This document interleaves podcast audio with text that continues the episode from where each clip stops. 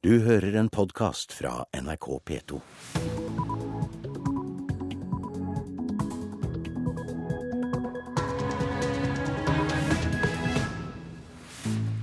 Nå er klokka 6.30, og vi er kommet til 2. mars. Takk for at du lytter til P2s Nyhetsmorgen.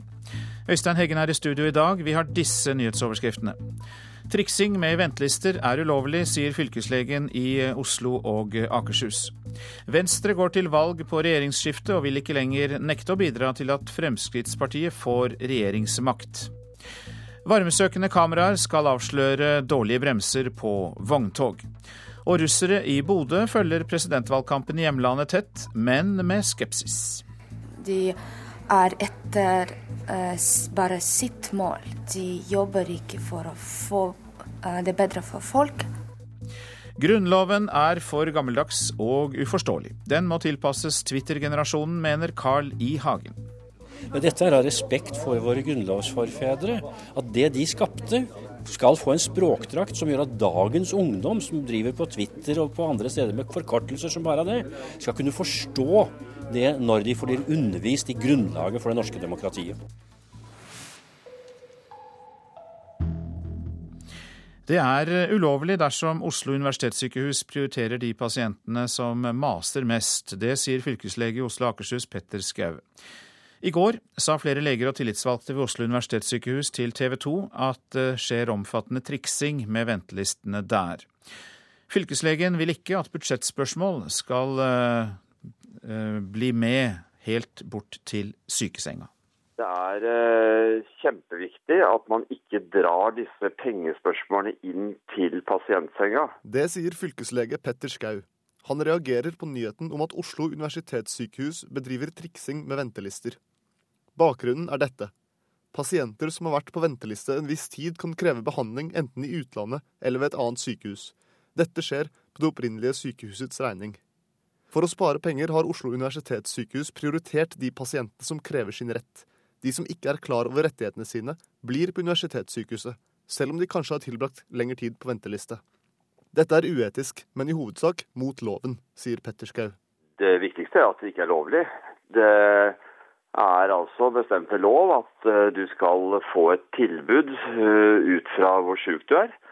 Er du uh, søkt inn på sykehus av legen din, så skal søknaden vurderes. Du skal tas inn, eventuelt til forundersøkelse, og du skal få en behandling innenfor en tidsrom på en dato som, hvor man bare tar hensyn til helsa di, og ikke til sykehusets budsjett. Leder i helse- og omsorgskomiteen på Stortinget, Bent Høie, syns heller ikke noe om denne saken. Han er enig med Skau i at dette er en ulovlig praksis, og mener også at dette ser ut som det er satt i system. Han sier dette må få konsekvenser. Jeg forventer at sykehuset nå internt setter i gang undersøkelse hvem som har tatt denne beslutningen, gitt denne beskjeden, og finner fram til i forhold til hvem som er ansvarlig for dette. Reporter Iver Kleiven, og det blir mer om dette i Nyhetsmorgen etter klokka sju. Venstre vil ikke lenger nekte å bidra til at Fremskrittspartiet får regjeringsmakt. Det blir avgjort i helgen, etter det NRK kjenner til. Dette er et helt annet signal fra Venstre enn i 2009, da daværende partileder Lars Sponheim garanterte at Venstre ikke ville bidra til at Frp kom inn i regjeringskontorene. Men nå er et regjeringsskifte viktig for Venstre.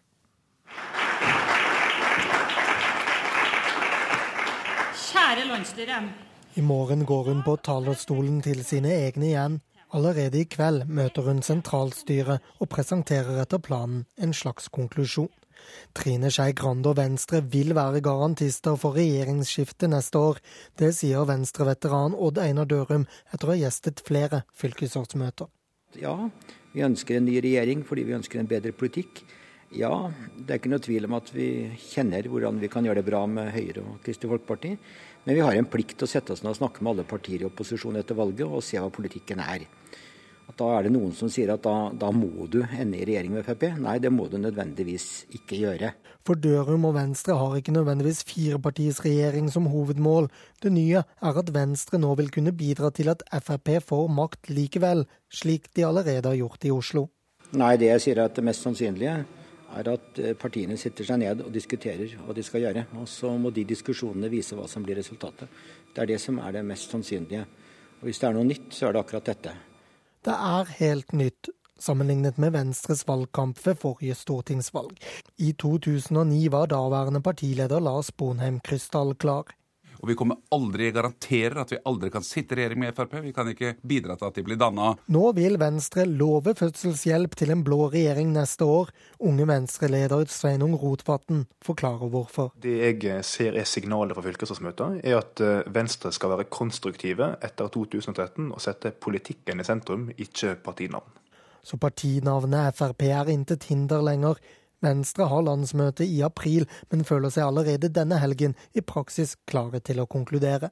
Venstrefolk ønsker en ny regjering, og det er rett at man gjør det fordi man ønsker en bedre politikk på de områdene som vi har snakket kort om. Og det er også slik at Vi er åpne for at da må vi snakke med alle partiene i opposisjon. Og så må vi ta det derifra med den vilje at vi prøver å få til noe. Men også slik at velgerne må vite at når de stemmer på Venstre, så skal de ha trygghet på at det er en stemme til den politikken vi står for, og som eh, vi vil kjempe for å ikke, ikke forhandle bort.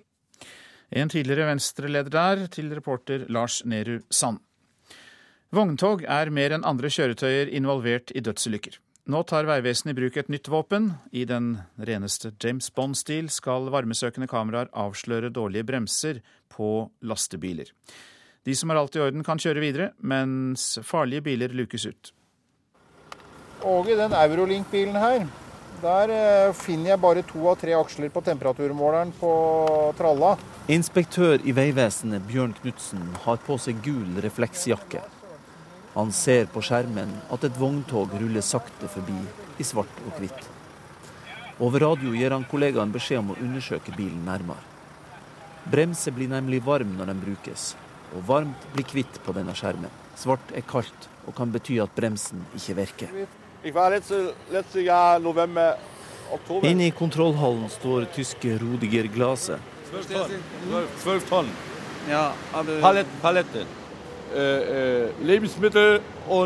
Jeg har tolv tonn last, det paller med matvarer. Han virker litt nervøs, men sier at han ikke har noe imot å bli kontrollert. Det er godt at man har kontrollen Det hyler fælt i bremsen på bilen hans, men noe alvorlig galt er det ikke. En annen bil blir luka ut fordi den kjører rundt med et punktert hjul. Sjefingeniør i Vegdirektoratet Tor Aksnes sier det er store fordeler med å bruke varmesøkende kamera til å plukke ut biler som bør kontrolleres nærmere. Eh, bileierne blir jo gjort klar over at eh, her er det noe gærent med materiellet. Trafikksikkerheten er jo en vinner gjennom det at vi vi bruker tiden vår til å kontrollere og, og ta de kjøretøyene som er farlige, ut av trafikk. Pluss at våre ressurser blir brukt mer effektivt òg, i form av det at vi bruker vår kontrollør, øh, vårt kontrollørkorps på de kjøretøyene som, som det er verdt å bruke tida si på. Enda konsentrerer Vegvesenet seg om de største og farligste bilene i trafikken. Men snart blir varmesøkende kamera også stilt inn på personbiler. Vi jobber nå med et system for å få målt kjøretøy i ordinær fart. Dvs. Si at det ikke er inn på kontrollplassen, men langs veien. Eh, og Det vil vi jobbe framover med, og da vil vi få både eh, personbiler og lastebiler som vil kunne eh, måles på den måten der. Så hvis du da kjører en vanlig personbil uten bremsen i orden, så vil dere avsløre det? Ja, det er helt klart målsettinga. Reporter Kjartan Røslett, og på nettsidene våre nrk.no så kan du se hvordan dårlige bremser blir avslørt gjennom et eh, varmesøkende kamera. I Bodø følger mange i det norsk-russiske miljøet tett med i valgkampen foran det russiske presidentvalget som er søndag. Statsminister og tidligere president Vladimir Putin er den som har definert eh, definitivt størst oppslutning på målingene. Blant russerne som bor i Bodø er det ikke tvil om eh, hvem av de fem kandidatene de tror vinner til valget er avgjort. Jeg er mer spent på VM i skiskyting, for det er ikke avgjort ennå. Rundt kafébordet på Universitetet i Nordland prater Aleksej Andrejev, Jelena Johnsen og Veronika Afanasjeva om det forestående valget i Russland. De har kommet til Bodø enten for kjærligheter, studier eller jobb. Jelena og Aleksej er ikke i tvil om at Vladimir Putin kommer til å stikke av med seieren. Og dessverre så er det det, det, bare, det, må vi bare velge en av disse kandidatene som kan, kan ta Russland på best mulig måte akkurat nå eh, videre. Og det er dessverre Putin. Jeg tror at rett og slett de er useriøse, de andre. Så derfor de er der. At vi har ikke noe valg. Mens Veronica har trua på en annen kandidat. Uh, mesteparten synes politikere som de er etter uh, bare sitt mål. De jobber ikke for å få uh, er bedre for folk. også folk er ikke kjent eller vet ikke hva det er egentlig demokrati. Hvis jeg skulle stemme, så skulle jeg stemme for Zjirinovskij uh, pga. Pga. det er en tullvalg for min, uh, i min forståelse også, da han er en god tullkandidat. På opinionsmålinga har Putin fått godt over 44% av stemmene til de spurte. De andre kandidatene har i motsetning bare fått mellom 10 og 13 Over kaffekoppene i Bodø er det snakk om fremtida. Til tross for en raskt voksende økonomi i hjemlandet, skal det mye til før Jelena og Veronica flytter hjem igjen. Og når jeg reiser hjem og ser hva som skjer og føler stø, sto, stor forskjell, så forstår jeg at det er mindre sjanse nå at jeg flytter tilbake. Ikke bare politikk, men det er mange ting som vi mangler for å ha en, et godt liv. Reporter var Bett Mørk Pettersen. I dag er siste dag i valgkampen, for i morgen så er det borgfred i Russland. Presidentvalgkampen har vært preget av opposisjonens frykt for valgfusk, lik det som skjedde under Duma-valget i desember. Og NRKs Moskva-korrespondent Hans-Wilhelm Steinfeld, hvordan forbereder opposisjonen seg til oppgaven med å kontrollere at det ikke skjer valgfusk denne gang? Jo, den mest eh, omstridte eh, organisasjonen Gålås eller Stemme, eh, som er veldig kritisk til myndighetene, har på plass nå 2500 valgobservatører i 44 regioner. Og hvis vi utvider sirkelen, så er nok nå 90% av de over 100 000 valglokalene dekket opp av valgobservatører. Men det var de ved Duma-valget også. Det som er nytt, det er jo at Vladimir Putin etterkom krav fra eh, Russlands fremste krimforfatter Vladimir Akunin om online kameraovervåkning av alle valglokaler. Og det er det satset voldsomme ressurser på, slik at en eh, 60 000 eh, databrukere per kamera kan ligge inne og se på hvert valglokale samtidig. Det burde jo være nok til å hindre valgfusk. Det høres jo interessant ut i seg selv at man da kan følge med på disse internettkameraene, Hans-Wilhelm Steinfeld. Men det har jo så mange elementer, dette, denne valgkampen. Altså Nå har jo Putin også beskyldt opposisjonen for å nærmest planlegge provokasjoner for å diskreditere valgresultatet. Hva er det han tror kan skje? Eh, Vladimir Putin sa denne uken at han visste at det forelå planer om å forfalske eh, valgurner med falske stemmesedler fra opposisjonens side, for etterpå å komme og si se på disse bildene her, dette er forfalskninger.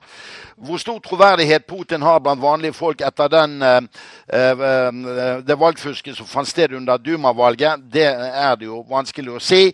Men det er vel primært Putins parti Forent Russland som har belastningen og ryktet på seg for å drive med veldig mye utstrakt valgfusk. Og da kan det jo igjen bli demonstrasjoner da, mot, eh, mot myndighetene, mot de som eh, angivelig skal ha vunnet dette valget? Ja, og eh, det er veldig mye diskusjoner om hva som kommer til å skje på mandag. Borgermesteren i Moskva er åpenbart forsiktig og gir tillatelser for at ikke dette skal koke over. Og vi kan være nokså trygge på at det kommer voldsomme protester. For det ligger nok litt i sakens natur at folk ikke har tillit til at man kan unngå valgfusk. Og en stor demokrat som Juri Afanasjev, professor i historie, minnet NRK om i går at da Jeltsin ble valgt i 1996, var det også massivt valgfusk. Det var gjenvalg av Jeltsin.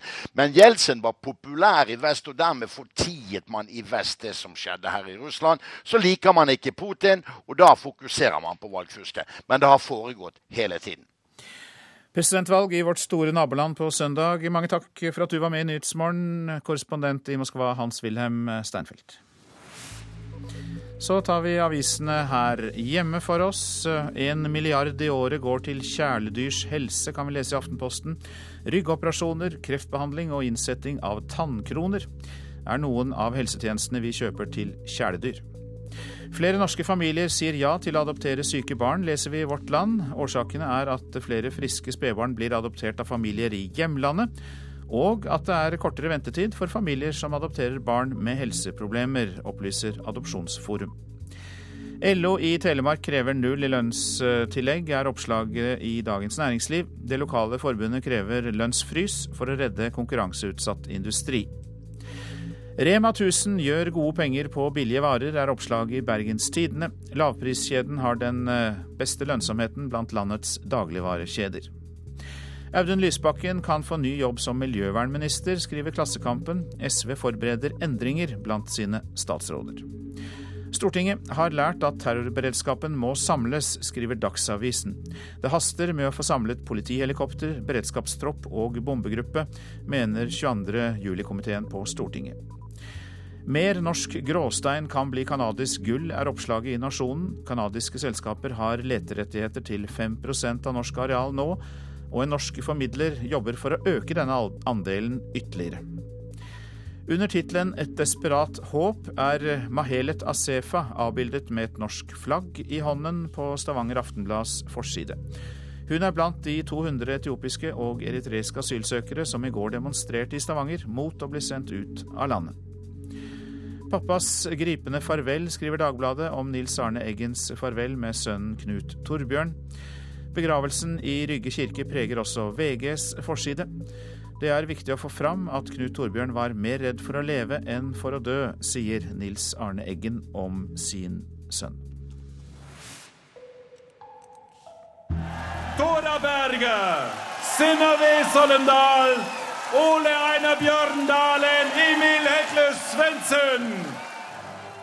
Ja, det var seierslyd der fra i går. Veteranen eh, Tora Berger og nykommeren Synnøve Solemdal tok begge gull for Norge i miksstafetten i går.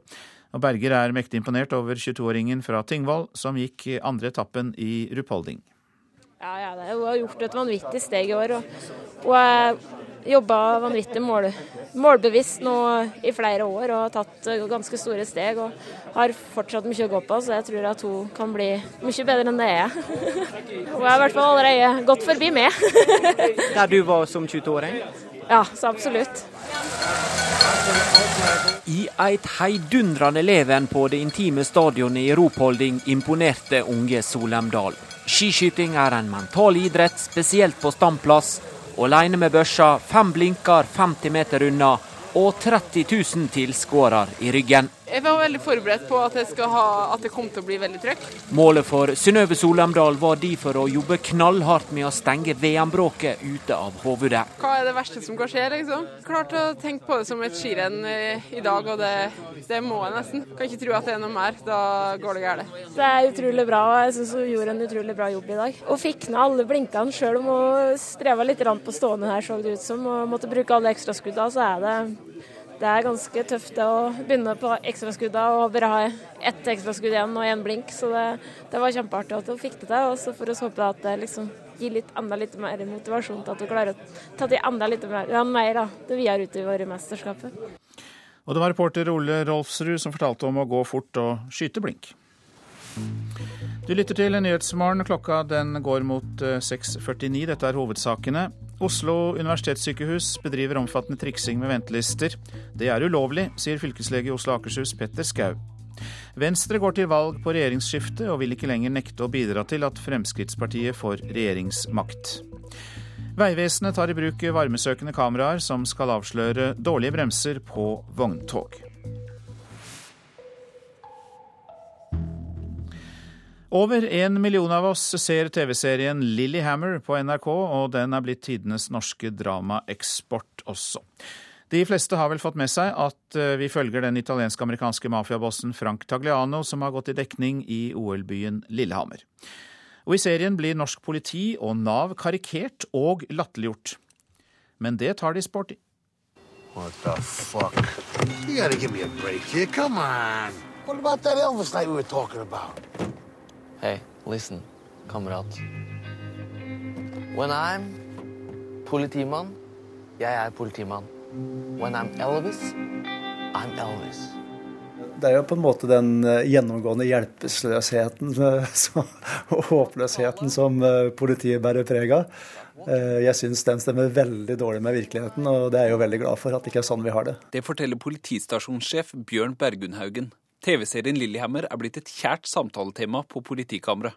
Det er lunsjtema og, og, litt sånn møtetema. Det er i hvert fall en, en fin måte å få senka skuldrene på, ha en litt uformell tone.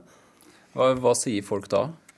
Det er, det er, gjennomgående nær sagt 100% positive tilbakemeldinger i forhold til hva serien bringer med seg. Oh, like your bike has a little fucking problem. How about we give you a ride? You're taking us to where your pals have my goods. You understand? Fortell kameraten din at det er ikke så jævlig stiv engelsk. Men metodene til Giovanni Henriksen er ikke akkurat vanlig kost for politiet på Lillehammer. Innenfor f.eks. narkotikaområdet så vil det jo være sånn at uh, noen tjener penger på andre, og, og uh, i enkeltsituasjoner kan bruke ganske brutale metoder for å kreve inn pengene sine. Men uh, det kan nok ikke sammenlignes med det Giovanni Henriksen kommer fra. Og, og, kanskje ikke den samme stilen? Helt sikkert ikke den samme stilen. Det er jo en gjennomgangsmelodi her at Giovanni ordner ting med vold og trusler, og sånn er det nok ikke hos oss. Men det er ikke bare politiet som blir karikert i serien? Jeg ville bare informere om fritidsaktivitetene våre. På mandager så er det samling i teatergruppa Regnbuen. Spennende. På torsdager så er det selvforsvarskurs for minoritetskvinner. Det tar jeg av. Ja, det er jo egentlig bare å gi seg ende over. Eh, for eh, det er jo noen sånne små gjenkjennelsesmomenter, og så utvikler de dem og kombinerer med andre særtrekk. Og ja, vi ler her på jobben godt og, syns den er eh, ordentlig artig. Jeg tenker at vi alle i offentlige stillinger og offentlige etater, vi må jo tåle å bli harselert litt med i denne type setting, som bare er ment for moro og gøy. Sier Nina Våge i Nav. Take care of we you gotta take care of. Prøver du å bestikke offentlig tjenestemann? No, no, it's just everybody can uh, wet their beak a little bit. Do you want me to call the police? What? Should I pick up the phone and call the police? Take it easy. Men funker det med bestikkelser på Nav på Lillehammer? Ja, Gid det var så vel, nei da. det gjør nok ikke det. Um, og det skal vi være glad for. Men at det funker veldig godt i denne serien, det, det er helt klart. Reporter på Lillehammer, Reidar Gregersen. Det er viktig at eh, dagens Twitter-ungdom kan forstå det som står i Grunnloven. Det mener Carl I. Hagen, som står bak et forslag om å modernisere språket i Grunnloven fra 1814. For dette språket har ikke blitt oppdatert siden 1903, men nå ligger det et eh, flunkende nytt og forhåpentligvis forståelig forslag på bordet. Det står fristed tilstedes ikke dem der herefter fallere. Paragraf 103 i Grunnloven skjønte du kanskje ikke så mye av. Og det er ikke så rart. Store deler av Grunnloven er nemlig skrevet på et så vanskelig språk at de færreste av oss egentlig forstår hva Grunnloven her forteller oss. Språkprofessor Finn Erik Vinje forklarer hvorfor. Fordi den eh, ikke har vært vasket siden 1903. Og fordi den derfor eh, er så alderdommelig i framtoningen at den er vanskelig å lese og forstå for eh, dem som interesserer seg for statsskikken i Norge. Vinje har nemlig tatt på seg oppdraget med å skrive om og modernisere Grunnloven. Og det arbeidet er nå ferdig. På kontroll- og konstitusjonskomiteen var det høring. Temaet var grunnlovsforslaget om å fornye språket i vår snart 200 år gamle grunnlov. Den tar for seg alle de 112 paragrafene, og jeg har da eh, oversatt dem til moderne norsk. Carl I. Hagen er den som formelt har fremmet forslaget for Stortinget.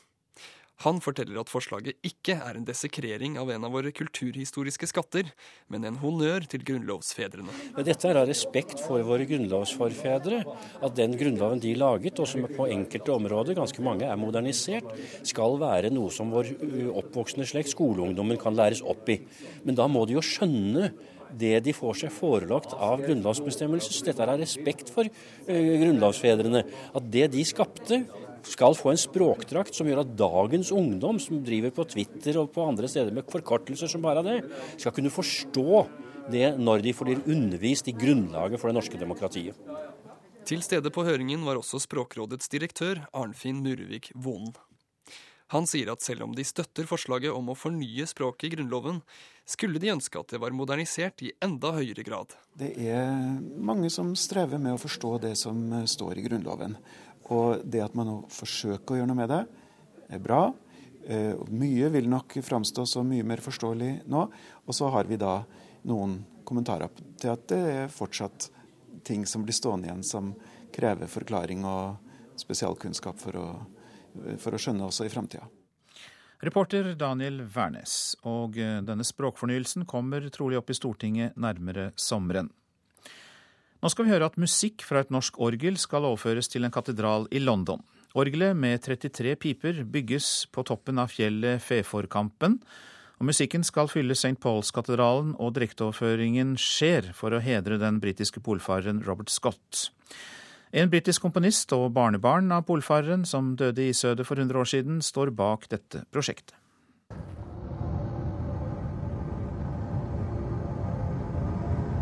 Mikrofoner i hver enkelt pipe fanger lyden som skal spilles av i ærverdige St. Pauls-katedralen i London i to uker fra 22. mars.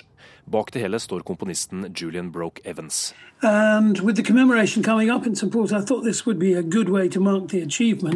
Han er barnebarn av Teddy Evans, som var nestkommanderende på Robert Scotts ekspedisjon til Sørpolen i 1912 i kappløp med Roald Amundsen. Komponisten vil hedre bestefaren og de andre som var med på ekspedisjonen, med et orgel på en fjelltopp i Norge.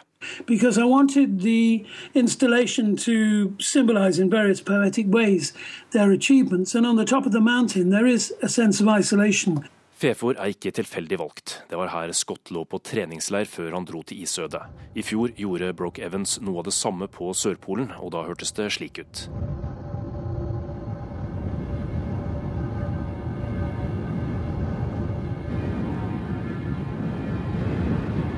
If it's very still air, there's not very much sound at all, although a little air movement might create some movement inside the pipe, so you'd get that ambient boom.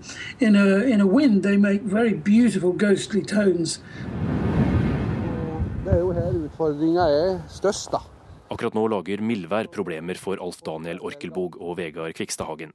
Nå håper de at temperaturen kryper under null og blir der til de 33 orgelpipene i is er på plass på Feforkampen. Vi tror det blir eh, en eh, hard jobb å få røra til topps. Jeg tror vi blir svette det her og der. Vi eh, har fått dem opp og er ferdig med prosjektet. Og reporter var Erlend Moe.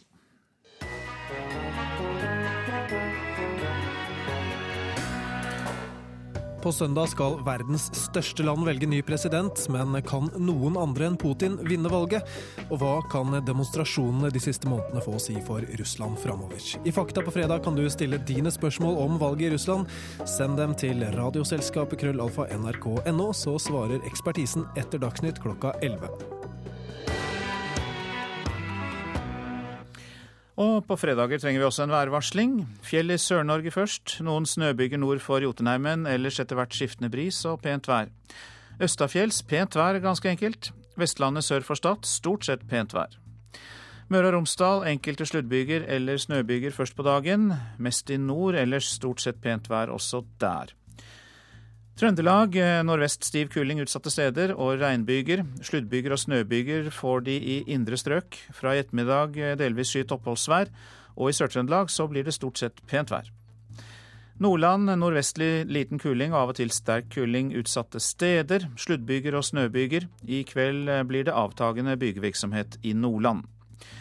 Troms eh, får nordvestlig liten kuling i dag, av og til sterk kuling utsatte steder, men i kveld minker det, og det blir snøbyger i Troms.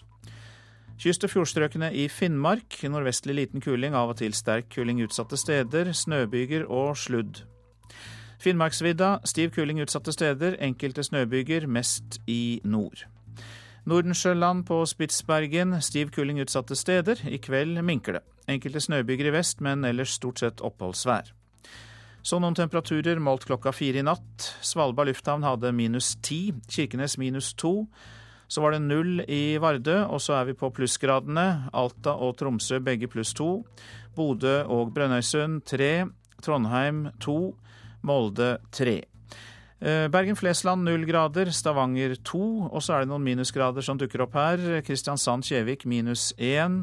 Gardermoen også minus én. Lillehammer pluss to. Røros hadde minus tre grader klokka fire i natt, og Oslo-Blindern hadde pluss fem.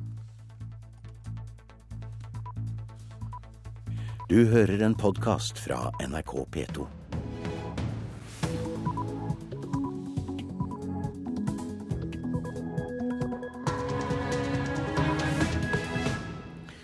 Klokka er sju fredag 2. mars. Du lytter til Nyhetsmorgen med Øystein Heggen i studio.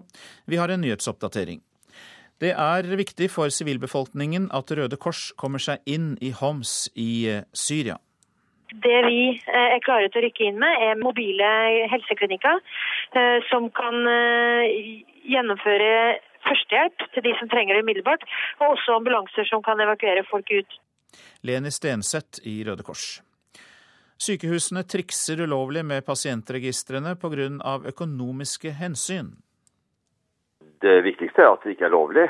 Det er altså bestemt ved lov at eh, du skal få et tilbud eh, ut fra hvor sjuk du er. Fylkeslege Petter Skau i Oslo og Akershus. Venstre går til valg på regjeringsskifte og vil ikke lenger nekte å bidra til at Fremskrittspartiet får eh, regjeringsmakt.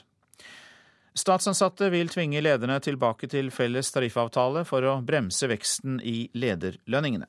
Vi ønsker å gå inn og se på eh, hvordan man fastsetter lønn for ledersjiktet generelt sett, og se om vi kan få mer av de lønningene også inn under det kollektive lønnssystemet.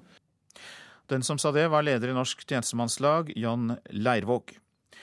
Grunnloven er gammeldags og uforståelig, og nå ligger et nyskrevet forslag på bordet. Det er viktig for sivilbefolkningen at Røde Kors kommer seg inn i Homs i Syria. Det sier utenriksminister Jonas Gahr Støre. I dag skal Internasjonale Røde Kors og Røde Halvmåne forsøke å ta seg inn i den syriske byen. De mest utsatte trenger livsviktige medisiner, mat og vann. Men det å dra inn i krigssonen er et farefullt oppdrag.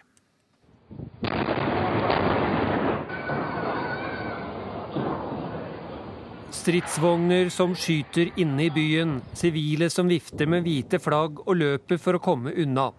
Bydelen Baba Amro i Homs ligger i ruiner etter å ha vært beleiret og beskutt i over tre uker.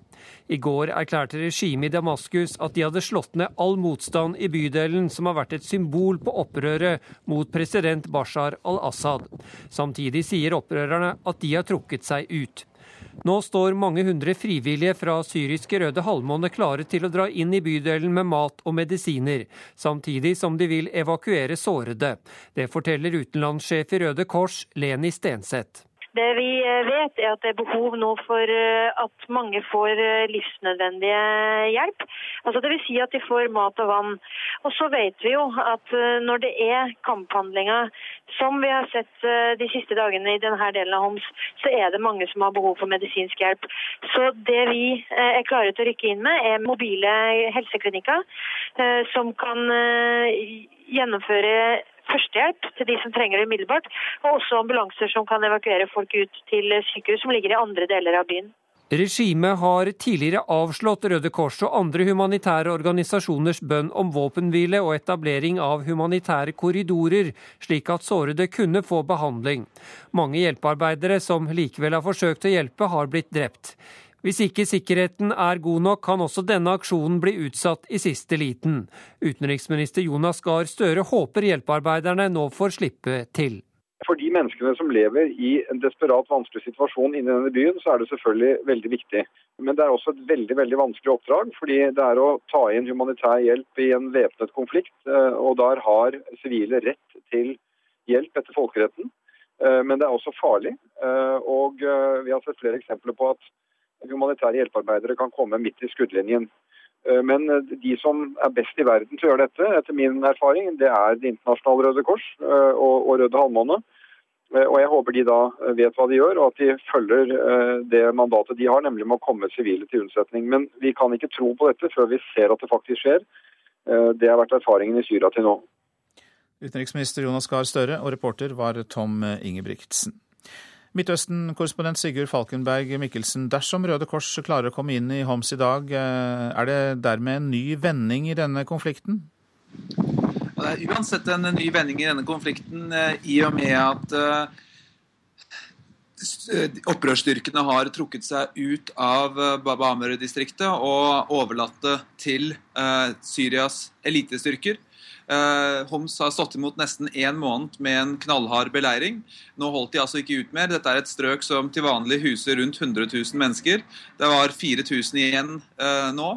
Eh, med under ekstremt vanskelige forhold. Det er i tillegg et forferdelig uvær i Syria nå, med mye snø. og Det rapporteres også om vannmangel og selvfølgelig da også strømmangel. slik at det er en veldig vanskelig situasjon for sivilbefolkningen. Og det er da heller ikke klart hvordan den syriske regjeringshæren kommer til å oppføre seg nå som den rykker inn i en by som har vært eh, under beleiring på denne måten. Men etter at eh, denne delen av Homs til de grader er eh, ødelagt, kan man da konkludere med at det er regjeringshæren og regimet som har fått overtaket? Ja, Militært på kort sikt så har de, har de, det. Og dette er klart en seier for Bashar al-Assads regime.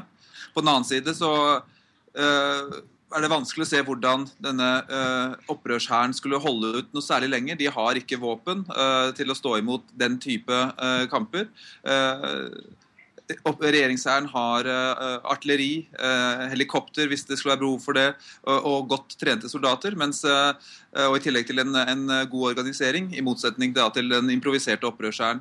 Slik at det er vanskelig å se hvordan de skulle holde ut dette her på lang sikt, eller på kort sikt. Eh, men spørsmålet er hvordan denne konflikten kommer til å fortsette. Jeg tror vi kommer til å se at regjeringshæren nå kommer til å flytte oppmerksomheten lenger nordover. Kanskje i første omgang til nabobyen Hama, men også da til den urolige Idlib-provinsen lenger nord. Det er jo sånn den syriske regjeringshæren har fungert. De er, ikke, de er ikke i stand til å kontrollere hele landet på en gang, eh, men de tar by for by. Opposisjonen sier den frykter at regjeringshæren vil hevne seg på sine motstandere. Ut ifra det vi har sett tidligere, hvordan vurderer du det? Ja, Det er eh, alltid vanskelig å si sånn fra utsiden. og Det er klart det er veldig mye frykt eh, knyttet til dette. her. Men når man vet hvordan disse uh, rapportene som kommer om menneskerettighetsbrudd uh, i Syria, så er det god grunn til å frykte hva som kommer til å skje i Homs i tiden framover.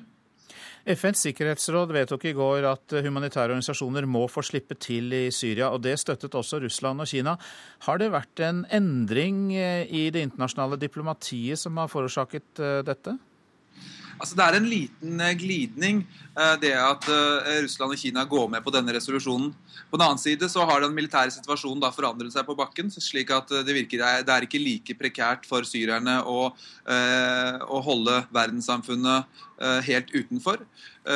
Og Samtidig så var også det internasjonale presset blitt meget sterkt på Russland og Kina, slik at de også hadde behov for å vise at de ikke entydig støttet opp under eh, den type eh, krigføring som har vært ført i den siste måneden. Mange takk skal du ha, Midtøsten-korrespondent Sigurd Falkenberg Mikkelsen. Det er ulovlig dersom Oslo universitetssykehus prioriterer de pasientene som maser mest. Det sier fylkeslege i Oslo og Akershus Petter Skau. I går sa flere leger og tillitsvalgte ved Oslo universitetssykehus til TV 2 at det skjer omfattende triksing med ventelistene der. Pengespørsmål må holdes unna pasientene, sier Skau. Det er eh, kjempeviktig at man ikke drar disse pengespørsmålene inn til pasientsenga. Det sier fylkeslege Petter Skau. Han reagerer på nyheten om at Oslo universitetssykehus bedriver triksing med ventelister. Bakgrunnen er dette. Pasienter som har vært på venteliste en viss tid, kan etter loven kreve behandling enten i utlandet eller ved et annet sykehus. Dette vil da skje på det opprinnelige sykehusets regning. For å spare penger har Oslo universitetssykehus prioritert de pasientene som krever sin rett. De som ikke er klar over rettighetene sine, blir på universitetssykehuset, selv om de kanskje har tilbrakt lengre tid på venteliste. Administrerende direktør Bjørn Erikstein ved Oslo universitetssykehus sier han ikke kjenner til en slik instruks. Fylkeslege Skau vil at sykehusene selv tar mer ansvar i fremtiden. Så må det bli sånn at det er sykehusene som hjelper deg videre i systemet. Det kan ikke være sånn at du både skal være syk og attpåtil kunne helselovgivningen så godt at du selv må vite hvor du skal søke hjelp etterpå. Fylkeslege i Oslo og Akershus Petter Skau til reporter Iver Kleiven. Og eh, leder i helse- og omsorgskomiteen på Stortinget, Bent Høie, du er altså nestleder i Høyre. Hva er din reaksjon på denne triksingen? Nei, Dette er ulovlig, og her er han en praksis som fører til sosiale ulikhet når det gjelder muligheten til å få innfri sin eh, rett. Eh, Og Det er også grunnen til at Høyre har foreslått akkurat det som fylkeslegen her òg tar til orde for. Nemlig at det ikke lenger kan være sånn at du som pasient skal ha ansvaret for at din rettighet blir fulgt opp. Det må det være sykehusene og eh, helseøkonomiforvaltningen som har ansvar for. Bare for å understreke det, det er ikke bare uetisk dette, men du mener også da faktisk at det er ulovlig? Ja, det, det er helt klart ulovlig i forhold til det som er intensjonen med pasientrettighetsloven, eh, som eh, ble innført under vår regjering eh, når vi satt i regjering sist. Det var nemlig at den, du skal ha en individuell frist som baserer seg på din medisinske tilstand. Og det er det som skal være førende for når han får behandling. Men kan dette være en følge av at sykehusene har fått altfor tøffe økonomiske krav? Ja, altså dette, Det er ikke det som er bakgrunnen for dette. Fordi de eh, har fullt mulighet til å prioritere riktig eh, ut ifra de rammene som de har. Men her eh, gjør han det ut ifra økonomiske motiver, ikke ut ifra pasientens eh, helsetilstand. Og Derfor er det jeg mener det er riktig å overføre ansvaret for eh, pasienter som ikke får innfridd sin rett, fra sykehusene til det som kalles for HELFO, eller helseøkonomiforvaltningen, sånn at de får ansvar for å kjøpe behandling for pasienten der som det raskest kan gis hjelp, og etterpå sende regningen til sykehuset. Men eh, hvordan skal sykehusene ta tak i dette problemet, Bent Høie? For det første så må ledelsen eh, ved Oslo universitetssykehus eh, klargjøre at dette er en praksis som eh, skal avsluttes. Og så òg mener jeg at det er grunnlag for å undersøke hvem som satte i gang dette. For det her virker det jo som om dette er et system, altså at dette er satt i system. Fordi vi har jo hørt rykter om at dette har skjedd andre steder òg, men her virker det jo som om det på en måte har vært en, en enighet om at dette er en praksis som skal følges, og det er alvorlig. Mange takk skal du ha, Bent Høie, som da er leder i helse- og omsorgskomiteen på Stortinget. Lederlønningene i staten må kuttes, det mener de statsansatte. De vil ha slutt på skyhøy lønnsvekst for sjefene, og krever at også lederne bindes av de samme tariffavtalene som andre statsansatte. Jan Leirvåg leder de statsansatte i Norsk tjenestemannslag, som er sinna på lønnsutviklingen for ledere. Ja, Det er klart det er veldig vanskelig. Det er en, en kjempevanskelig øvelse å, å, si at vi skal vise moderasjon og ingen andre skal gjøre det. Vi forventer at, at statlig styrer og politisk ledelse nå skal gå inn og gi stramme føringer for lederlønnstillegg i de virksomhetene hvor staten kan styre og kontrollere. Dessverre så er det altså sånn at det fortsatt er noen i toppledersjiktet som forsyner seg grådig av den økonomien vi alle bidrar til. Den sterke veksten i lederlønningene skaper stor uro før lønnsoppgjøret. I staten kommer krav om å tvinge sjefene tilbake til felles lønnsregulativ, at de igjen får lønnsavtale lik det andre ansatte har. I dag er mange ledere tatt ut av det vanlige lønnsregulativet. Om lag 300 av dem er flyttet til lederlønnsordningen, noe som har gjort det mulig for mange å ta ut tosifret lønnsvekst og hundretusenvis av kroner i lønnsøkning, år om annet. Er du overrasket over at lønnsforskjellene har blitt såpass store? Nei, jeg er jo ikke, ikke, det. Jeg ser jo at det er den veien virksomhetene ønsker å gå. Men på, på sikt så kan vi ikke leve med at noen stikker av med en enorm lønnsutvikling, og andre blir hengende akterut.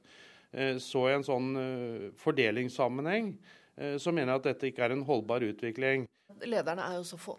Ja, men de har høy signaleffekt. Næringsminister Trond Giske sa i går at enkelte lederlønninger og bonuser er umoralske og groteske. Mange tjener mer enn statsministeren, og styrer i statlige selskaper kan få fyken om de er for rause med lederlønningene, advarer næringsministeren. Men arbeidsgiverne i staten, Fornyingsdepartementet, ønsker ikke å kommentere lønnssaken, kort tid før lønnsforhandlingene drar seg til. Lederen i Norsk tjenestemannslag, LO-toppen John Leirvåg, mener det er på høy tid å tette lønnsgapet mellom høy og lav i staten, både på kort og på lang sikt. Vi ønsker å gå inn og se på eh, hvordan man fastsetter lønn for ledersjiktet generelt sett, og se om vi kan få mer av de lønningene også inn under det kollektive lønnssystemet.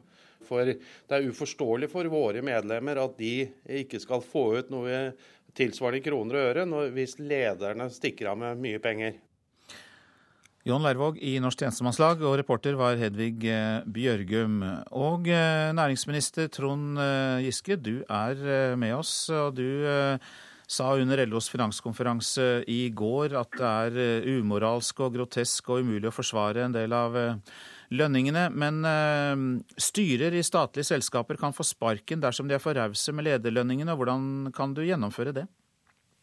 Ja, la meg først si at De sterkeste ordene som uh, umoralsk uh, knytta seg til de honorarene og bonusene som enkelte har uh, i finansbransjen, meklerbransjen, hvor man kan ta ut en ja, nesten livslønn for en vanlig sykepleier i løpet av et år, det mener jeg hører ingen steds hjemme. Men når det gjelder lederlønningene i både staten og i statlige selskapene, så er det kanskje aldri viktigere enn i år å sørge for at lederne går eh, foran med et godt eksempel. Vi trenger et ansvarlig oppgjør for ikke å skvise ut en masse konkurranseutsatte eh, arbeidsplasser.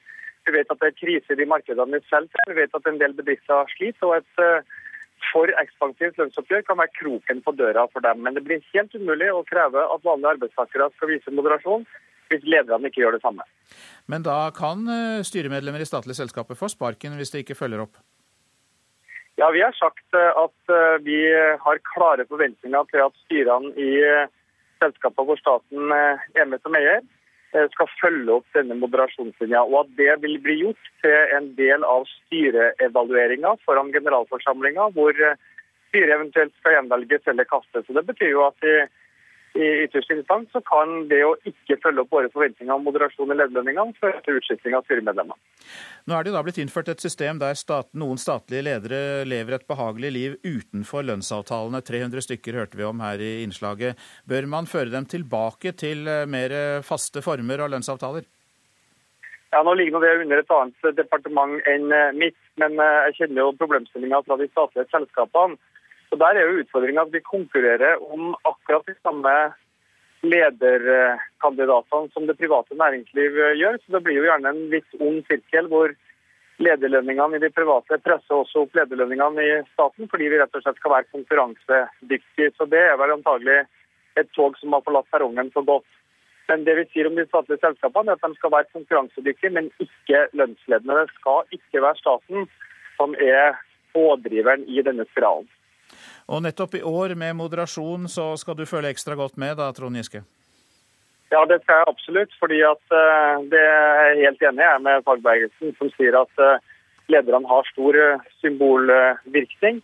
og at det er veldig vanskelig å argumentere overfor folk som har en helt vanlig lønn, at enkelte ledere bevilger seg kanskje nesten en vanlig arbeidstakers årslønn i, i påslag på lønna si. Næringsminister Trond Giske, takk skal du ha for at du var med i Nyhetsmorgen. Vi tar også med at eh, YS, Yrkesorganisasjonenes sentralforbund, ønsker å løfte kvinnene i årets lønnsoppgjør. Det skriver Klassekampen. Organisasjonen vil ha en lønnsøkning som styrker kjøpekraften for sine medlemmer ved årets oppgjør. Veksten i de nye økonomiske stormaktene India og Kina bremser opp, viser en ny rapport. Dette er dårlige nyheter for et kriserammet Europa og den globale verdensøkonomien. Det sier seniorforsker på NUPI Arne Melkjord til Dagsavisen i dag. Du lytter til Nyhetsmorgen, og klokka passerte nettopp 7.18. Dette er våre hovedsaker.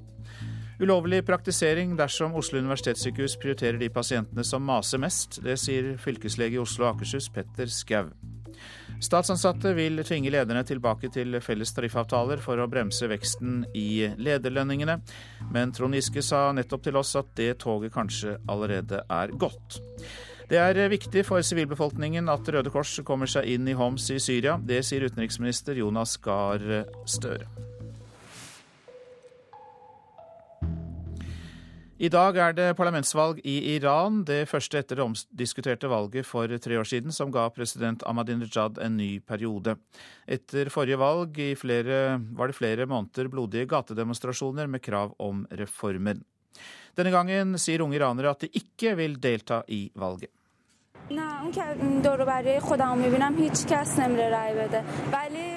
Marian Shams er 24 år og studerer språk, og er temmelig klar på at verken hun eller alle de hun kjenner rundt seg, vil stemme. Valget, slik hun ser det, vil bli ei sak for eldre folk, 40- og 50-åringene, men ikke hennes aldersgruppe. Det samme sier denne 21-årige studenten.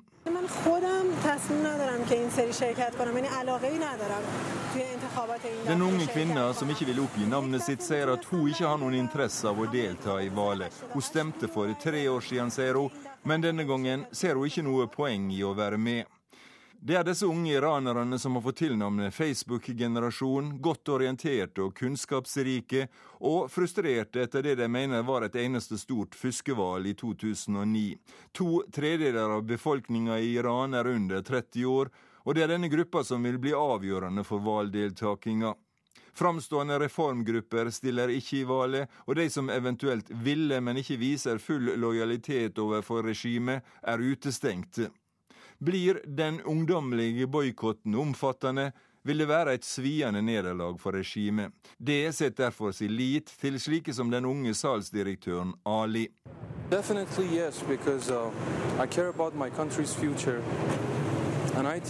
vote, uh, Absolutt, jeg skal stemme, sier 27-åringen, fordi, sier han, han bryr seg om framtida for landet sitt og mener at ei hver stemme teller.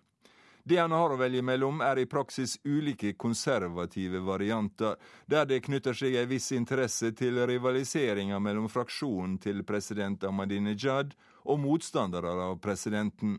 Begge hevder truskap til den øverste religiøse lederen Ayatollah Khamenei. Valgkampen har vært temmelig lydløs og ikke spesielt fokusert på det som betyr mest for folk. De forverrer levekåra til gjennomsnittsiraneren. Folk merker de utenlandske sanksjonene, inflasjonen er rekordhøy, og tidligere subsidier til mat og brennstoff er borte. Og de føler at stemma deres ikke betyr noe som helst, sier Nasser Tagwai, en av Irans prisbelønte filmskapere.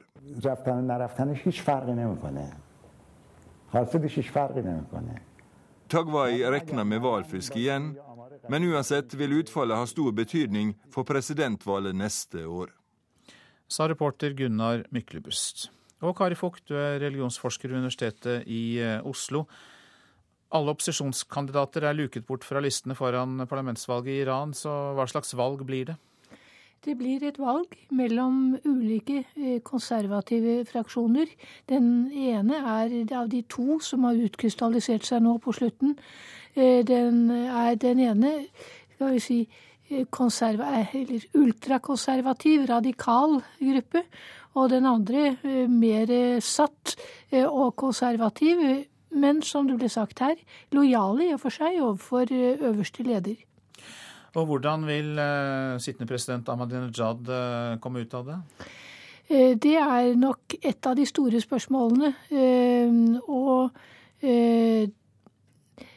det er ironisk nok Nå har det vært sagt i konservative kretser at denne gruppen er i ferd med å forberede valgjuks.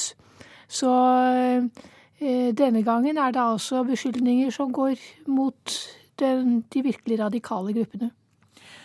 Nå er jo Iran ikke så lett å forstå for oss som ikke kjenner detaljene i landet. For eh, staten har jo sine maktmidler, men eh, den har også sine åndelige maktmidler, i den forstand at det er en øverste åndelig leder. Så eh, kan man si at det i det hele tatt er noen form for demokrati når man har eh, en slik eh, instans på toppen? Denne øverste leder har all makt. Så noe demokratisk system og noe demokratisk valgsystem tror jeg det er vanskelig å snakke om i denne sammenhengen. Det er dessuten eliminert så mange fra valglistene. Hele opposisjonen, eller det som litt, vi litt mer forsiktig kan kalle reformfløyen, er jo eliminert på forhånd. Eh, så eh, valgmuligheten er begrenset for folk, og det er antallet velgere som eh, nå går til valgurnene, som er et avgjørende poeng for myndighetene. Her er det faktisk å kunne se eh, noe av konturene i denne maktkampen som vi aner under, ligger under. Eh, vil den skal vi si, minst aggressivt og radikale konservative fløyen Eh, få flest eh, stemmer, eller er det slik at den mer satte og konservative vil vinne? Og eh, valgboikott, som de reformvennlige har gått inn for, vil den virke, f.eks.? Altså, man har virkemidler for å få folk til valgurnene, men en del vil allikevel eh, være motstandsdyktige. Så det er disse proporsjonene i velgerkretsen som blir viktige. Hjertelig takk for at du kom til oss i Nyhetsmorgen, Kari Fugt, religionsforsker ved Universitetet i eh, Oslo.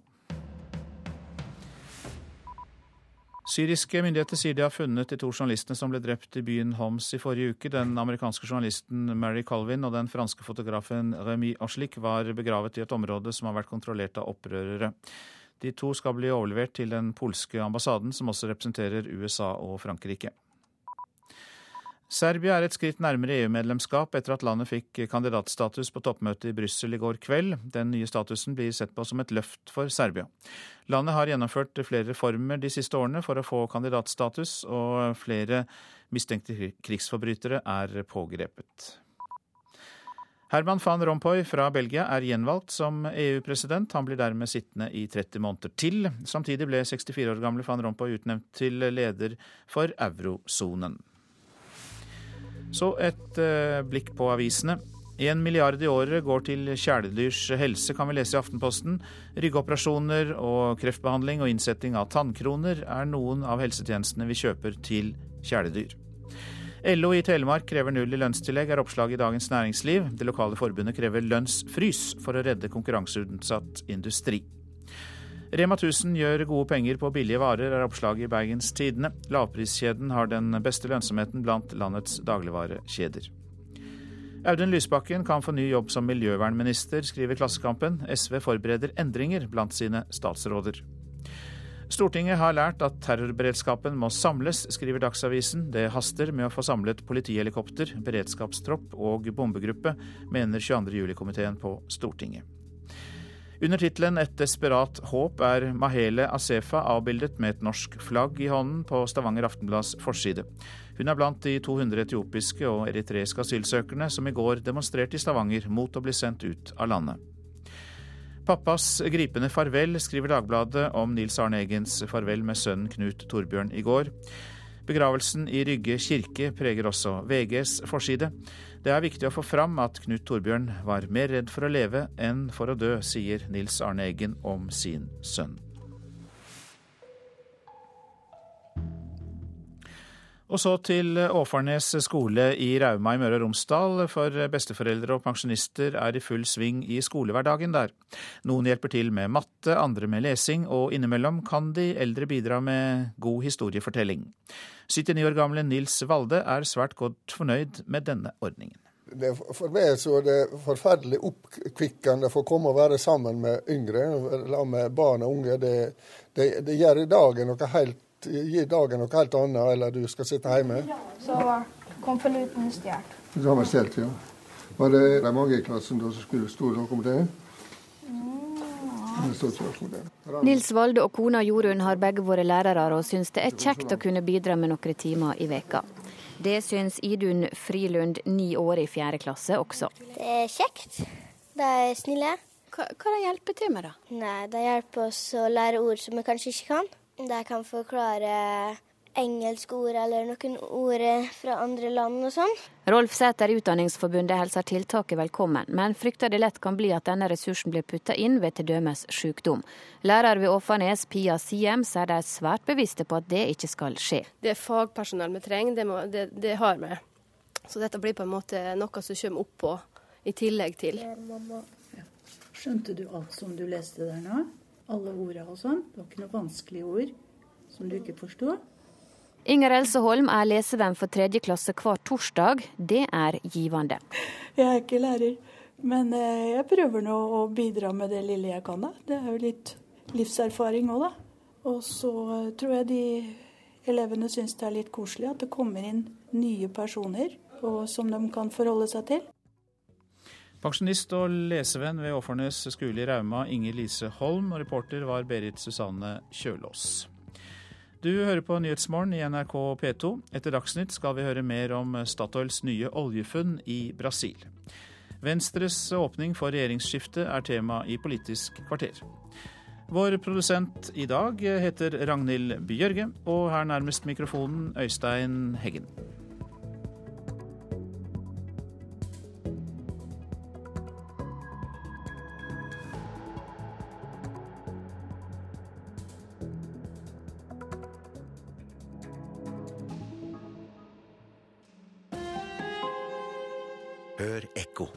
De lister seg stilt på tå, feier opp, rydder vekk tomme spritflasker og forteller det ikke til noen.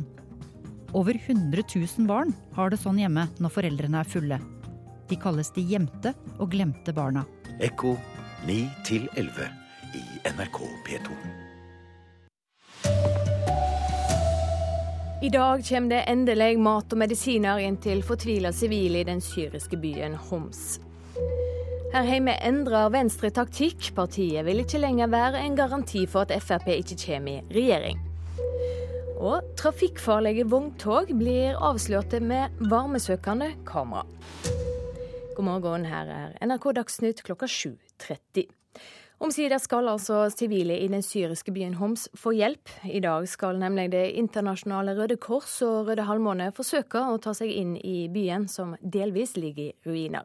Men det er farlig å dra inn i krigssoner med mat, vann og livsviktige medisiner.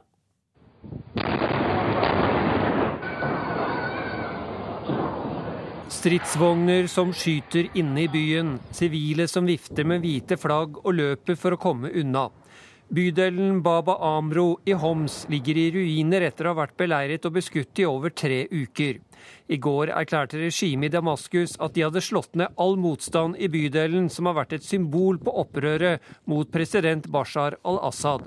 Samtidig sier opprørerne at de har trukket seg ut. Nå står mange hundre frivillige fra syriske Røde Halvmåne klare til å dra inn i bydelen med mat og medisiner, samtidig som de vil evakuere sårede.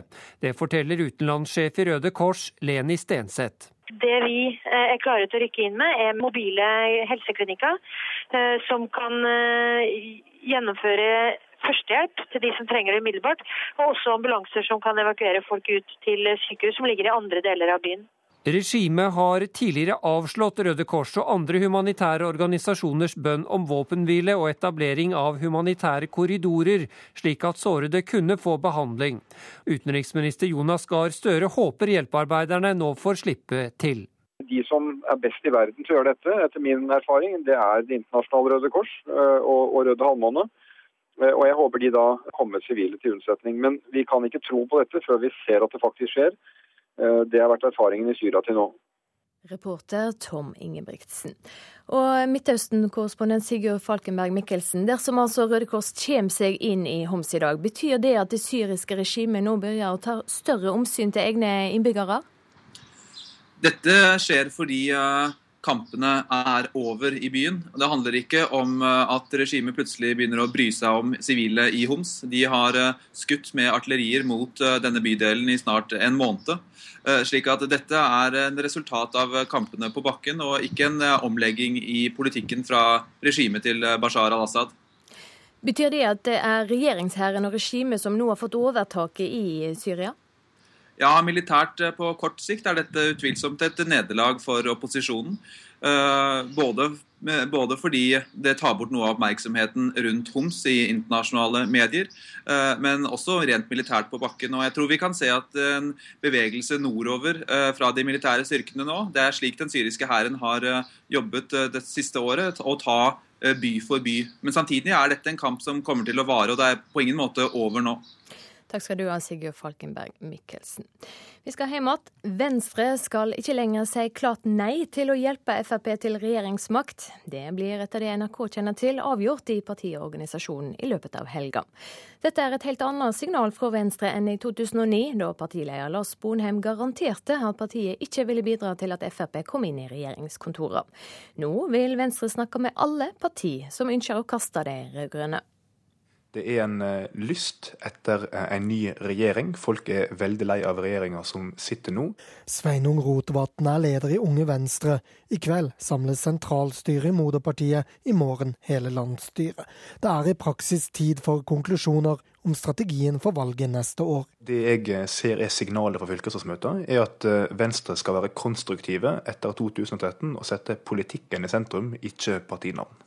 Signalet Trine Skei Grande vil sende denne helgen, er dermed stikk motsatt av forgjenger Lars Bonheim i 2009. Og vi kommer aldri garanterer at vi aldri kan sitte i regjering med Frp. Vi kan ikke bidra til at de blir danna. Venstre vil ikke lenger nekte Frp makt, men vil heller ikke si klart ja til en firepartisregjering hvor de to partiene må samarbeide. Det presiserer Venstre-veteran Odd Einar Dørum. Ja, vi ønsker en ny regjering fordi vi ønsker en bedre politikk. Ja, det er ikke noe tvil om at vi kjenner hvordan vi kan gjøre det bra med Høyre og Kristelig Folkeparti. Men vi har en plikt til å sette oss ned og snakke med alle partier i opposisjon etter valget og se hva politikken er. At da er det noen som sier at da, da må du ende i regjering med Frp. Nei, det må du nødvendigvis ikke gjøre. Reporter Lars Nehru Sand. Vogntog er overrepresenterte i dødsulykkene på veiene. Nå har Vegvesenet tatt i bruk varmesøkende kamera for å luke ut lastebiler med dårlige bremser. Slike spesialkamera avslører kalde bilhjul, som kan bety bremsesvikt. Her har vi et mørkt dekk. Det er mye kaldere enn de andre.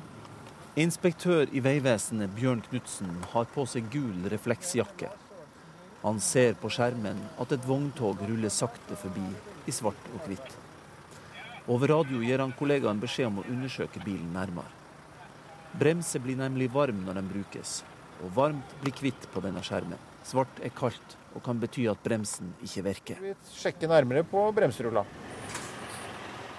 Inne i kontrollhallen på Taraldrud sør for Oslo blir bremsen til den blå lastebilen testa. Det svarte, kalde hjulet bakerst på tilhengeren var punktert, viste det seg, uten at sjåføren hadde merka det. Skal se her nå om det var den filmen her. Like ved, i en lastebil stappfull av dataskjermer og annet teknisk utstyr, sitter Vegdirektoratets Petter Smart. Sjefingeniør Tor Aksnes foreslo å bruke varmesøkende kamera på denne måten. Det vi leter etter, det er forskjeller i varmeutviklinga på, på hjulutrustningen på et kjøretøy. Det gir indikasjon på om bremsene virker, eller om de ikke virker. Han viser fram et eksempel fra en annen kontroll. Det var tre hjul av seks hjul på den hengeren her som ikke hadde brems. Med tanke på det at vogntog har veldig høy vekt i forhold til bremsekraften, så er det alvorlig hvis et vogntog ikke har bremsene i orden. Reporter Kjartan Rørslett. Og på nrk.no kan du se hvordan de dårlige bremsene blir avslått. Det er ulovlig dersom Oslo universitetssykehus prioriterer de pasientene som maser mest. Det sier fylkeslegen i Oslo og Akershus, Petter Skau. I går sa flere leger og tillitsvalgte ved sykehuset til TV 2 at det skjer omfattende triksing med ventelistene. Det er flere uetiske element ved dette, men hovedsaken er at det er brudd på reglene, sier Skau. Det viktigste er at det ikke er lovlig. Det er altså bestemt ved lov at uh, du skal få et tilbud uh, ut fra hvor sjuk du er. Er du uh, søkt inn på sykehus av legen din, så skal søknaden vurderes. Du skal tas inn, eventuelt til forundersøkelse, og du skal få en behandling innenfor en tidsrom på en dato som, hvor man bare tar hensyn til helsa di, og ikke til sykehusets budsjett. Lederlønningene i staten må kuttes. Det mener de statstilsatte som vil snakke om det i lønnsoppgjøret.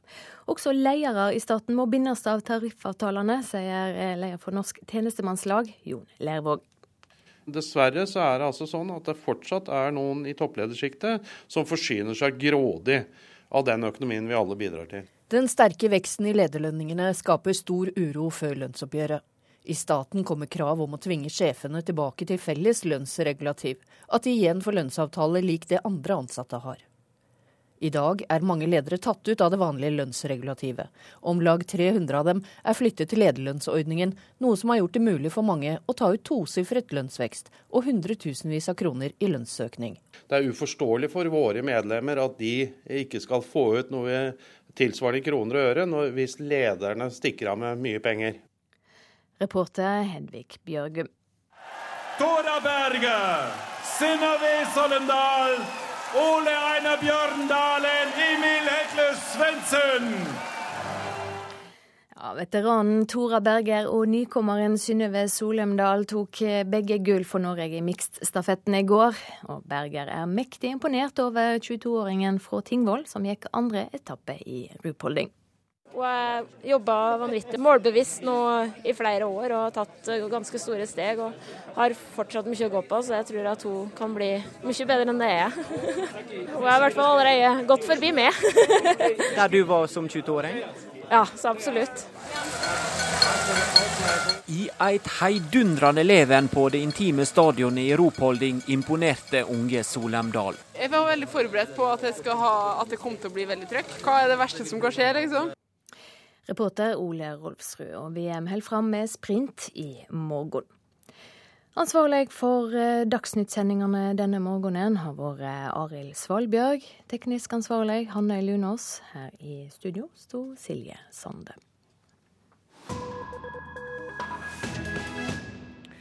Du lytter til eh, Nyhetsmorgen, og vi skal eh, til Brasil. Statoil offentliggjorde denne uken et stort oljefunn der, og vil trolig bli det klart største utenlandske oljeselskapet i Brasil i årene fremover.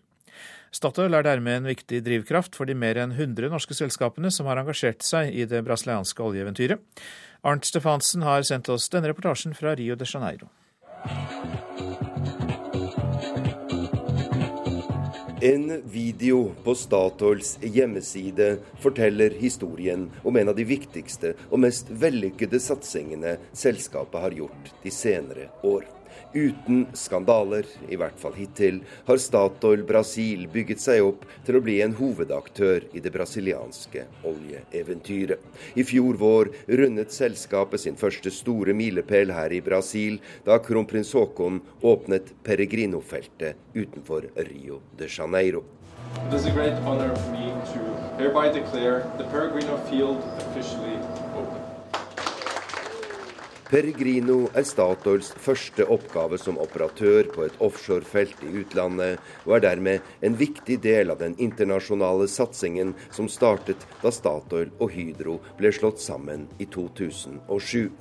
Og uavhengige eksperter NRK snakker med, mener at Peregrino-prosjektet har vært en suksess. De mener at amerikanerne som solgte sine andeler i feltet, gjorde en dårlig forretning. Statoils sjef her i Brasil, Kjetil Hove, bekrefter at Peregrino er meget lønnsomt. Vi kjøpte jo først eh, fra Encana og så fra Anadarko. og Begge disse kjøpene vurderer vi som gode kjøp, eh, og vi ser at vi kan skape verdier på feltet. I løpet av noen måneder blir Statoil det største utenlandske oljeselskapet her i Brasil. Og etter det nye store oljefunnet som ble offentliggjort denne uken, er det all grunn til å tro at selskapet vil befeste denne posisjonen i årene fremover. Både omfanget og kvaliteten på det nye funnet er over all forventning, sier Brasil-sjef Kjetil Hove. Dette er iallfall et high impact-funn. Det betyr mer enn 250 millioner fat, som er et betydelig funn eh, i Brasil. Statoils virksomhet her i Brasil går på høygir, og forventningene er store. Men det er også utfordringene. For Norges største selskap konkurrerer i et land med omfattende korrupsjon, og i en bransje der norske miljøkrav og regler for behandling av ansatte langt fra er en selvfølge. Men Statoils sjef her i Brasil, Kjetil Hove, avviser bestemt at selskapet må kutte hjørner for å henge med i konkurransen med kinesere, amerikanere og briter. Det som er viktig for Statoil, det er at eh, den kulturen vi har tatt, eller har i Norge, den måten å gjøre forretninger på, den måten å behandle mennesker på, den ønsker vi å ta også når vi går internasjonalt. Og Fram til i dag så har det vist seg å være en veldig god strategi. Eh, norsk kultur, norsk måte å behandle mennesker på, norsk måte å gjøre forretninger på, er blitt veldig anerkjent i Brasil. Og vi ser at det er en måte å gå også her i Brasil.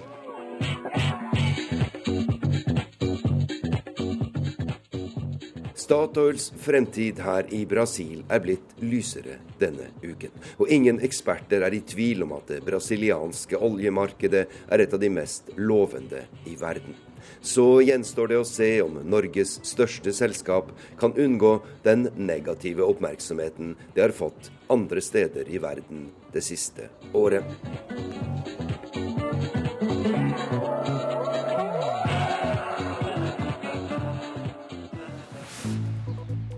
Ja, du lytter til Nyhetsmorgen på NRK P2 og Alltid nyheter. Dette er hovedsaker. Det er en ulovlig praksis dersom Oslo universitetssykehus prioriterer de pasientene som maser mest. Det sier fylkeslege i Oslo og Akershus, Petter Skau. Statsansatte vil tvinge lederne tilbake til felles tariffavtale for å bremse veksten i lederlønningene. Og det er viktig for sivilbefolkningen at Røde Kors kommer seg inn i Homs i Syria. Det sier utenriksminister Jonas Gahr Støre.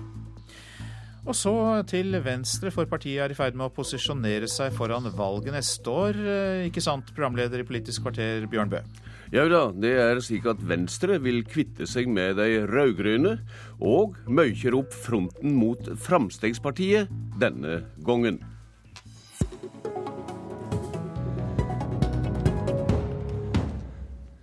Ja, i helga har Venstre landsstyremøte etter en brei prosess i partiet om regjeringsalternativ. Og nestleder eh, i Venstre, Ola Elvestuen, velkommen i studio. Takk. Vi har eh, hørt i nyhenda i dag at det er klare for å konkludere når det gjelder Lineval. Kan du nå garantere at det blir ei borgerlig regjering dersom det blir borgerlig flertall etter valget i 2013? Ja, nå vet ikke om jeg vil beskrive dette som et sånn linjevalg. Nå er det klart at Venstre er trygt og godt plassert som et uh, liberalt og miljøvennlig parti på borgerlig side i norsk politikk. Mm. Det som er diskusjonen innad i Venstre, det er selvfølgelig hvordan skal vi nå få til en ny regjering, som vi mener er helt nødvendig, ikke minst for å få til et større tempo i det som er våre hjertesaker. Det er miljøvern, dette er satsing på kollektivtrafikk og mange ja. andre formål. Vi skal uh, komme litt tilbake til sakene, Ola Elvestuen. Men uh, det, i det du sier nå, så stadfester du at Venstre ikke lenger vil nekte å verke med til regjeringsmakt for Fremskrittspartiet? Det vi ønsker, er at vi vil ha en uh, ny regjering. Det mener vi landet har behov for. Og så er det klart også et mål for Venstre at Venstre som et grønt og liberalt parti er en del av den regjeringen. Og så handler jo Eventuelt dette... sammen med Fremskrittspartiet? Vi har nå en diskusjon innad i partiet hvordan vi skal håndtere det som er uenighetene på borgerlig side. For det er klart at her er det også store politiske uenigheter som vi må håndtere. Og, dette, og det er jo den diskusjonen som vi nå har innad i partiet. Ja. I 2009 nekta daværende venstreleder Lars Sponheim å love stønad til en regjering der Fremskrittspartiet var med. Hva er det som har hendt politisk siden da, siden det er på glid her? Nå, vi jo, nå, gikk det jo ikke så bra i, i 2009, eh, så det er klart at vi har, måttet, har også måttet gå i oss selv og ha en diskusjon om eh, hvordan vi skal forholde oss eh, også til maktspørsmål videre. Ellers så er det det som driver dette fram, er jo det politiske innholdet. Dette handler om å få gjennomslag for vår politikk. Nå har vi hatt en regjering som har stått stille i over seks år.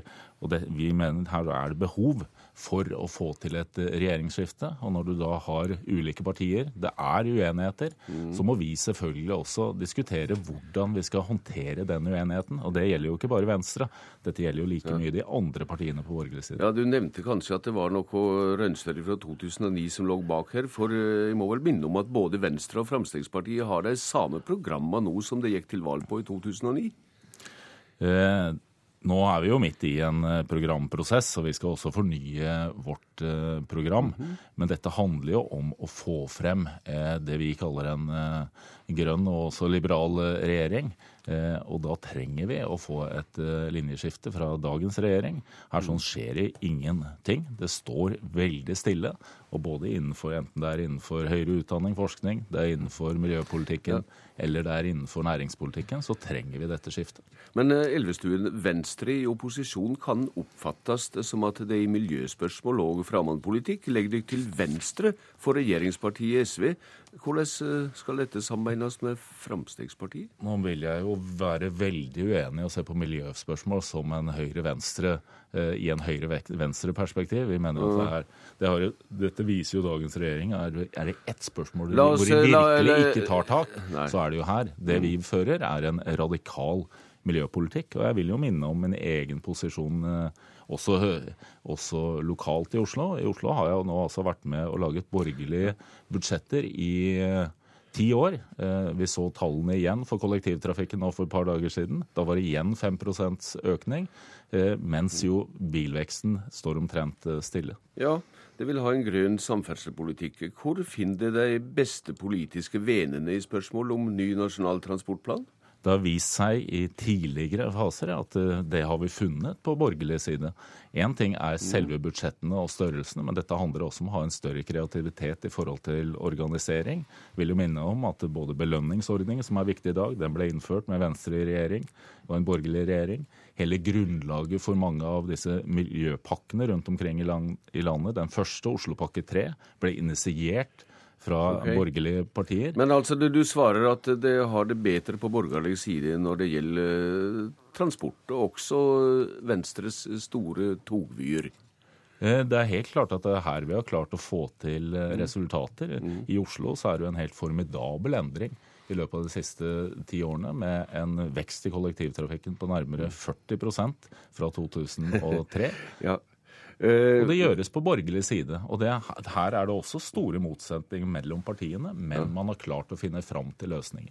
Eh, her om dagen hørte vi tidligere Kristelig Folkepartileder Dagfinn Høybråten fortelle at hans parti også har mange felles punkt med venstresida, og særlig Arbeiderpartiet.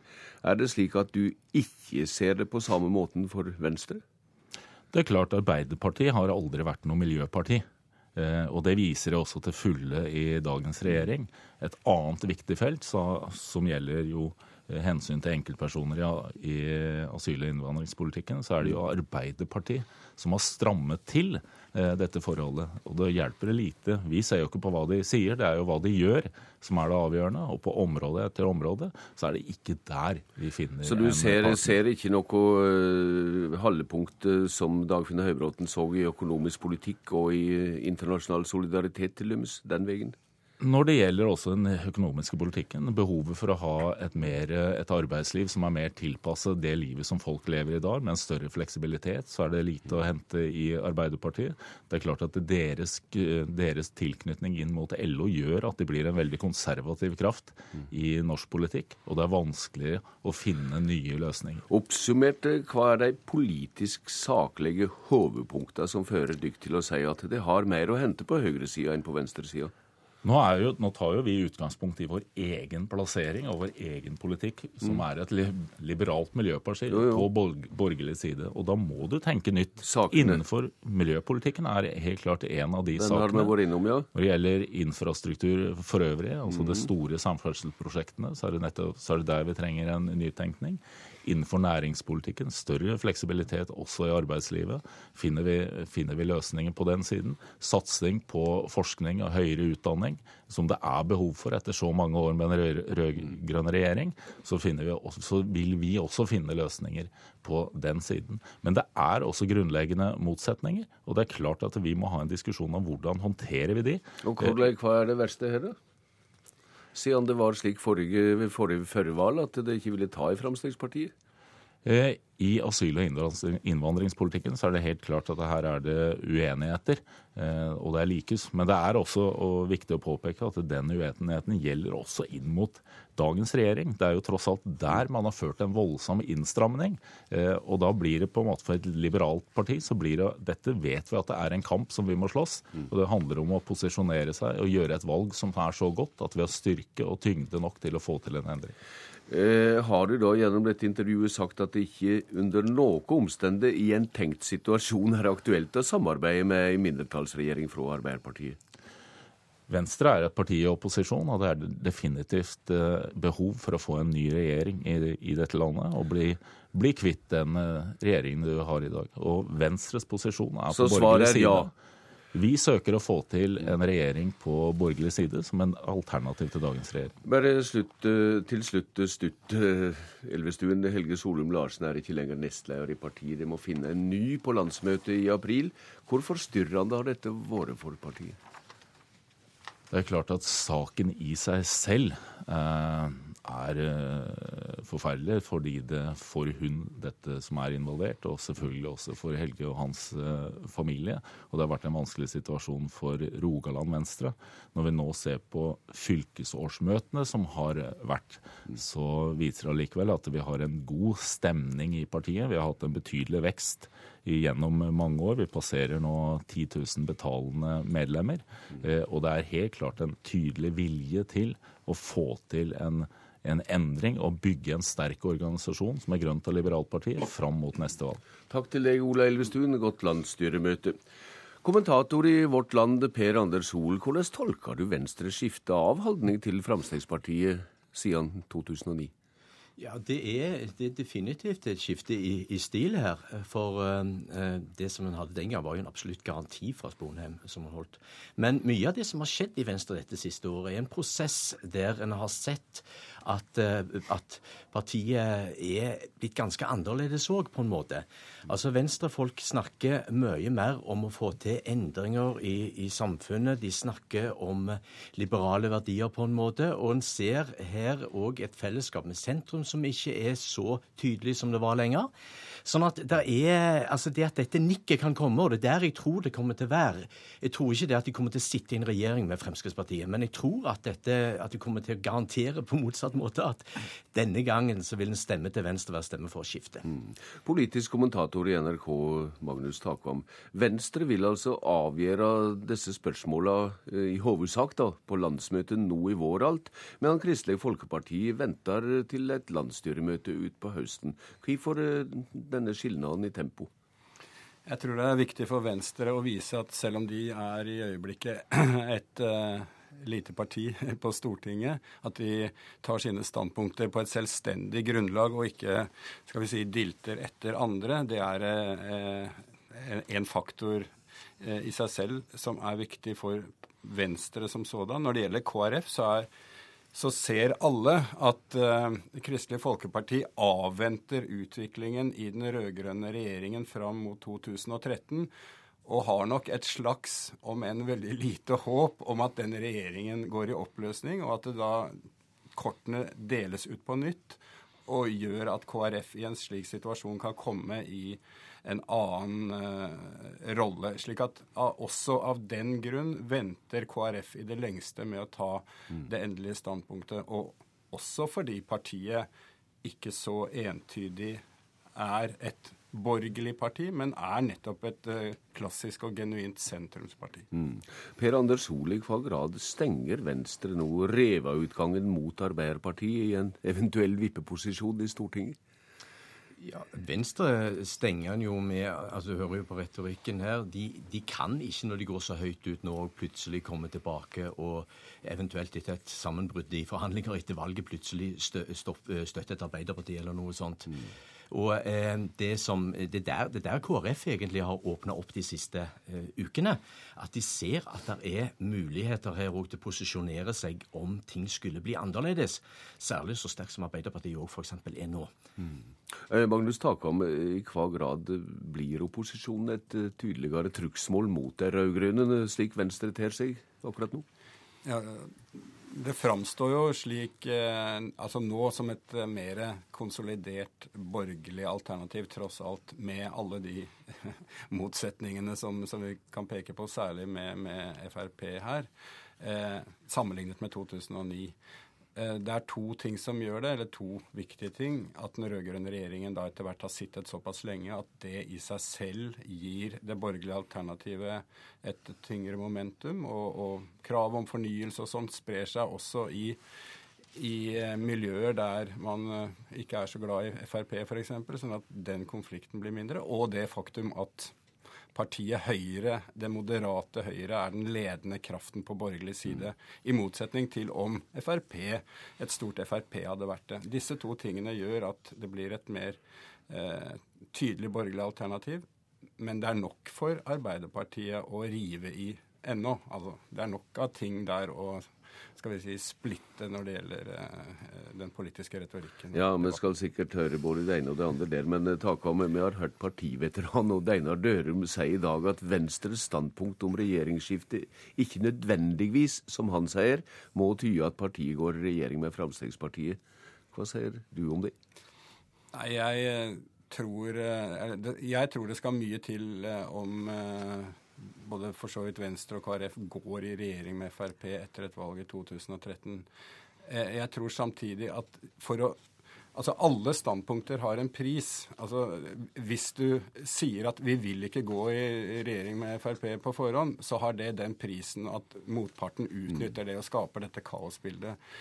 Så du kan parkere, tror jeg de mener, den debatten ved å antyde at vi kan snakke med alle etter valget osv. Så, videre. så jeg tror det er det dilemmaet de er oppe i. Per Anders Hoel, er du samdyrer? Ja, det, det, er jeg. Eh, men det er klart at hele dette bildet òg nå altså, Frp har jo òg blitt et mye mer moderat parti. Jeg tenker på Mange av disse venstrefolkene har jo knapt mm. sett Carl I. Hagen i svi, frisvev noen gang. Det er et ungt parti, og de kjenner ikke den, den gamle eh, historien. Takk til deg, Per Anders Hoel, og til Magnus Takvam. Politisk kvarter er slutt. Jeg heter Bjørn Bø. Du har hørt en podkast fra NRK P2.